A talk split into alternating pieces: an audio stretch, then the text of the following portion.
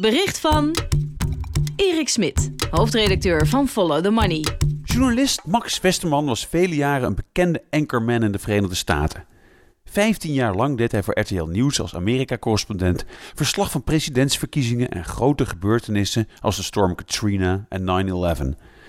Sinds enkele jaren woont Max voornamelijk in Rio de Janeiro.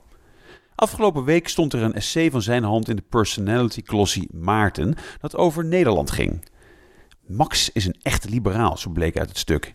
Iemand die zijn gesteldheid op verdraagzaamheid, tolerantie en openheid voor nieuwe ideeën, daar waar Nederland ook heel lang bekend om stond, hoog in zijn vaandel draagt. In het essay vertelt hij over de waardering die wij Nederlanders zo lang in het buitenland genoten voor onze open cultuur.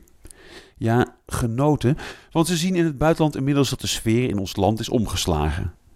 Van een progressief gidsland is Nederland veranderd in een bastion van behoudzucht, schrijft Westerman.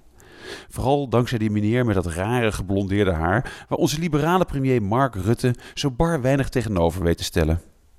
Dat Rutte eerder met Geertje meeglijdt en eigenlijk een conservatieve bangerik is.